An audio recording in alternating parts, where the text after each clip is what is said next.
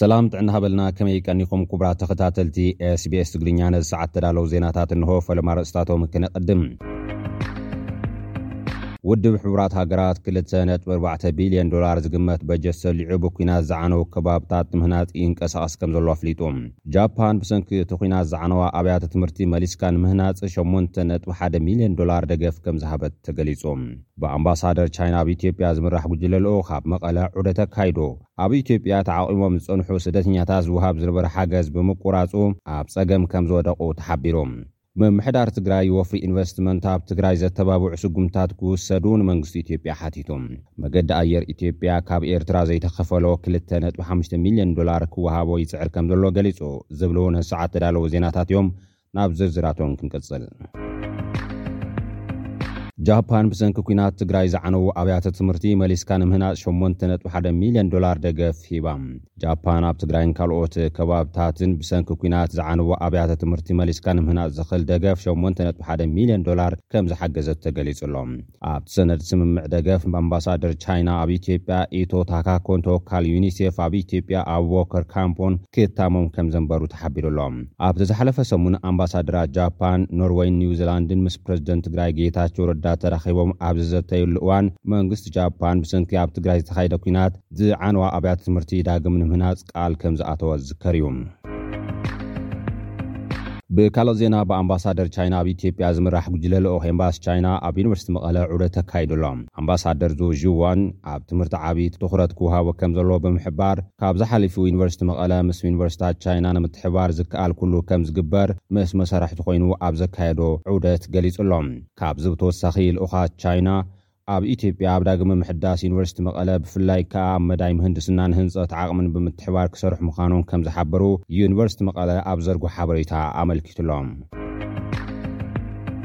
ኣብ ኢትዮጵያ ተዓቝቦም ዝፀንሑ ስደተኛታት ዝወሃብ ዝነበረ ሓገዝ ምግቢ ብምቁራፁ ኣብ ፀገም ከምዝወደቑ ተሓቢሩ። ቢሮ ጉዳይ ስደተኛታት ኢትዮጵያ ከምዝሓበሮ ብሰንኪ እቲ ፕሮግራም መግቢ ዓለምን ትካል ረድኤት ኣሜሪካ ዩኤስኤይድን ኣብ ልዕሊ ኢትዮጵያ ዝወሰድዎ ሓገዝ ናይ ምቁራፅ ስጉምትታት፣ ኣብታ ሃገር ተዓቝቦም ዝጸንሑ ስደተኛታት ዝወሃብ ዝነበረ ሓገዝ መግቢ ብምቁራጹ ኣብ ጸገም ከምዝወደቑ ገሊጹ ኣሎ።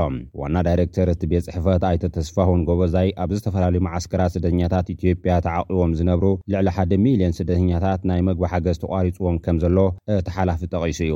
ኣብ ቀረባ እዋን ካብ ግጭት ሶማልያን ዝሃደሙ ልዕሊ ተስዓን ሓደን ሽሕ ስደተኛታት ኣብ ክልል ሶማል ክዕቆቡ እንከለዉ፣ ካብ ግጭት ሱዳን ዝሃደሙ ልዕሊ ዓሰርተ ሽሕ ሱዳናውያንን ኤርትራውያንን ዝርከብዎም ስደተኛታት ናብ ኢትዮጵያ ከምዝኣተዉ መረዳእታታት ሕቡራት ሃገራት የመልክት። እዚ ድማ ብሰንኪ'ቲ ኣብ ኢትዮጵያ ዝተወሰደ ስጉምቲ መግቢ ብምቁራጹ ኣብ ጸገም ከምዝወደቑ'ዩ ዝግለጽ ዘሎ። ምምሕዳር ትግራይ ወፍሪ ኢንቨስትመንት ኣብ ትግራይ ዘተባብዑ ስጉምትታት ክውሰዱ ንመንግስቲ ኢትዮጵያ ሓቲቱ። ኮሚሽን ኢንቨስትመንት ትግራይ በቲ ኲናት ንዝተጎድኣ ኢንቨስትመንት ትግራይ ካሕሳ፣ ዕዳ ስረዛን ግብርን ናፃ ክኸውንን ናብ ኮሚሽን ኢንቨስትመንት ኢትዮጵያ ኣብ ዝፀሓፎ ኣመልኪቱ ኣሎ። እቲ ኮሚሽን ኣፈፃፅማ እቶም ሕቶታት ዝከታተል ሓበራዊ ኮሚቴ ክጣየሽ ከምዝግባእ እውን ገሊፁ ኣሎ። ብተወሳኺ እቲ ኮሚሽን መንግስቲ ፌዴራል ናይ ወፃኢ ኢንቨስትመንት ኩባንያታት ኣብ ትግራይ ኢንቨስት ንክገብሩ ዕድመ ከቕርብ ከምዝሓተተ እቲ ሓበሬታ ኣመልኪቱ። ካብዚ ብተወሳኺ ፕረዚደንት ትግራይ ጌታቸው ረዳ ንኢንቨስተራት ትግራይ ልቓሕ ክስረዘሎም ወይ ክናውሐሎም ብፍሉይ ናብ ማእኸላይ ባንክ ደብዳበ ፅሒፉ ኣሎ ተባሂሉ። ኮሚሽን ኢንቨስትመንት ትግራይ ዳኒኤል ኣሰፋ ቅድሚ እቲ ኹናት ኣብ ትግራይ ዓሰርተ ሰለስተ ሺሕ ፍቓድ ኢንቨስትመንት ዝሓዙ ኣፈርቲ ሰብ ሃብቲ ከምዝነበሩ ብምዝኽኻር ተስዓን ሓሙሽተን ሚእታዊት ግን ከምዝተጎድኣ እዩ ገሊፁ። ኮሚሽን ኢንቨስትመንት ትግራይ ብተወሳኺ ኣብ ቀረባ እዋን ተቋሪፁ ዝነበረ ሕድገታት ግብሪን ካብ ቀረፅ ናፃ ዝኾነ ኣቕሑት ዘእትውሉ ናብ ንቡር ክምለስ እውን ንሚኒስትሪ ፋይናንስ ሓቲቱ ኣሎ። ኣይተ ዳኒኤል ኢንቨስተራት ትግራይ ብዘይ ደገፍ ክወዳድሩ ኣይኽእሉን እዮም ክብል ዝተማጎተ ኮይኑ ወፍርታት ምሉእ ብምሉእ ተጎዲኦም ስለዘለዉ ምሉእ ናይ ምሕዋይ ፓኬጅ የድልዮም እዩ ኢሉ ኣሎ። ኣይተ ዳኒኤል ኣሰፋ ኣብ ጋምቤላን ቤንሻንጉል ጉሙዝን ሕርሻ ዘለዎም ኢንቨስተራት ትግራይ እውን ኩሉ ስኢኖም ካሕሳ ይግበኦም እዩ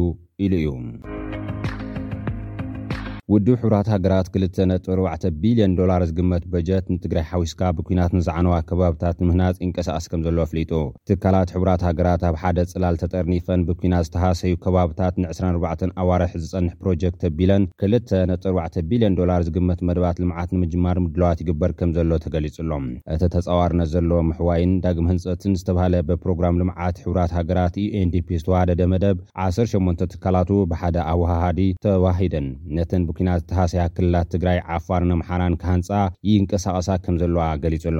ቀዋሚ ወኪል ውድብ ሕቡራት ሃገራት ንፕሮግራማት ምሕዋይን ዳግመ ህንጸትን ኣብ ኢትዮጵያ ቱርሃን ሳልሕ፣ እቲ መደብ ን ዕስራን ኣርባዕተን ኣዋርሕ ከምዝጸንሕ ተዛሪቡ እዩ። ቱርሃን ሳልሕ ኣብ መጀመርታ ግንቦት ክልተ ሽሕን ዕስራን ሰለስተን ኣብ መቐለ ኣብ መንጎ ትካላት ሕቡራት ሃገራትን ካቢኔ ግዝያዊ ምሕዳር ትግራይን ኣብ ዘካየዶ ኣኸባ ብዛዕባ እቲ ን ዕስራን ኣርባዕተን ኣዋርሕ ዝጸንሕ ፕሮጀክት ተመልኪቱ ኢቱ ንኣባላት ካቢኔ ትግራይ ከም ዘዘራረበ ገሊጹ'ሎ። ትግራይ ብኣዝዩ ንጹር ምኽንያት ዝዓበየ ብጽሒት ናይቲ በጀት ከም ዝህልዋ ብምግላጽ፣ ሓፈሻዊ ወጻእታት ንሰለስቲኤን ክልላት ኣስታት ክልተ ነጥቢ ኣርባዕተ ቢልዮን ዶላር እዩ ኢሉ'ሎ። መገዲ ኣየር ኢትዮጵያ ካብ ኤርትራ ዘይተኸፈሎ ክልተ ነጥቢ ሓሙሽተ ሚልዮን ዶላር ክኸፈሎ ጻዕርታት ይገብር ከምዘሎ ገሊጹ። መገዲ ኣየር ኢትዮጵያ ኣብ ኤርትራ ካብ ዘካየዶ ናይ ትኬት መሸጣታት ዝተኣከበ ክልተ ነጥቢ ሓሙሽተ ሚልዮን ዶላር ዝበጽሕ ገንዘብ ናብ ካዝንኡ ከሰጋገሮ ከም ዘይከኣለ'ዩ ሓቢሩ ዘሎ። ጋዜጣ ሪፖርተር ዘርጊሕዎ ኣብ ዘሎ ሓበሬታ ከም ዘመልከቶ፣ እቲ መገዲ ኣየር ብሰንኪ ዘይተፈትሐ ጉዳይ ሸርፊ ወጻኢ ገንዘቡ ካብ ኤርትራ ምንቅስቓስ ከም ዘይከኣለ እዩ ጸብጺቡ ዘሎ። መንግስቲ ኤርትራ ሸርፊ ወጻኢ ውሒዱኒ ብዝብል ክልተ ነጥቢ ሓሙሽተ ሚልዮን ዶላር ገንዘብ መገዲ ኣየር ኢትዮጵያ ክኸፍል ከም ዘይከኣለ ዝገለጸ ዋና ኣካያዲ ስራሕ መገዲ ኣየር ኢትዮጵያ ዝነበረ ኣቶ መስፍን ጣሰው፣ ናይ ኤርትራ ገንዘብ ኣብ ኢትዮጵያ ክንጥቀመሉ ስለ ዘይንኽእል ናብ ዶላር ቀይሮም ክህቡና ኣለዎም ክብል ኣተሓሳሲቡ እዩ። እንተኾነ እቲ መንግስቲ ናይ ወጻኢ ገንዘብ የብልናን ክብል ስለ ዝጀመረ እቲ ልዕሊ ክልተ ነጥቢ ሓሙሽተ ሚልዮን ዶላር ዝግመት ገንዘብ ምንቅስቓሱ ከም ዘይተኻእለ እዩ ኣመልኪቱ። መገዲ ኣየር ኢትዮጵያ ናብ ኤርትራ ዘካይድዎ ዝነበረ ናይ መጓዓዝያ በረራታት ንልዕሊ ዕስራ ዓመታት ኣቋሪጹ ድሕሪ ምጽናሕ ኣብ ክልተ ሽሕን ዓሰርተ ሸሞንተን ኣብ መንጎ ክልቲኤን ሃገራት ስምምዕ ሰላም ምስ ተኸተመ እዩ ዳጊም ጀሚሩ።